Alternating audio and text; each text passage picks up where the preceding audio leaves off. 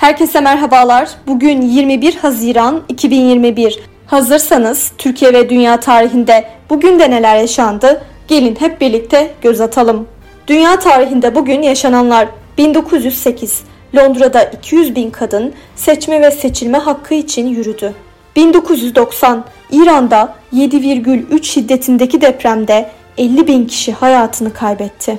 Türkiye tarihinde bugün yaşananlar 1927 Küçükleri Muzur Neşriyattan Koruma Kanunu Türkiye Büyük Millet Meclisi'nde kabul edildi. 1934 Soyadı Kanunu kabul edildi. Bugün doğanlar 1839 Brezilyalı yazar Machado dünyaya geldi. Bugün ölenler 1377 İngiltere Kralı 3. Edward hayatını kaybetti.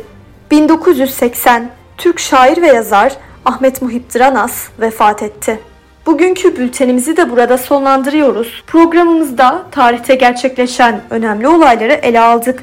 Yarın da tarihte neler olduğunu merak ediyorsanız bizi dinlemeyi unutmayın. Yarın görüşmek üzere.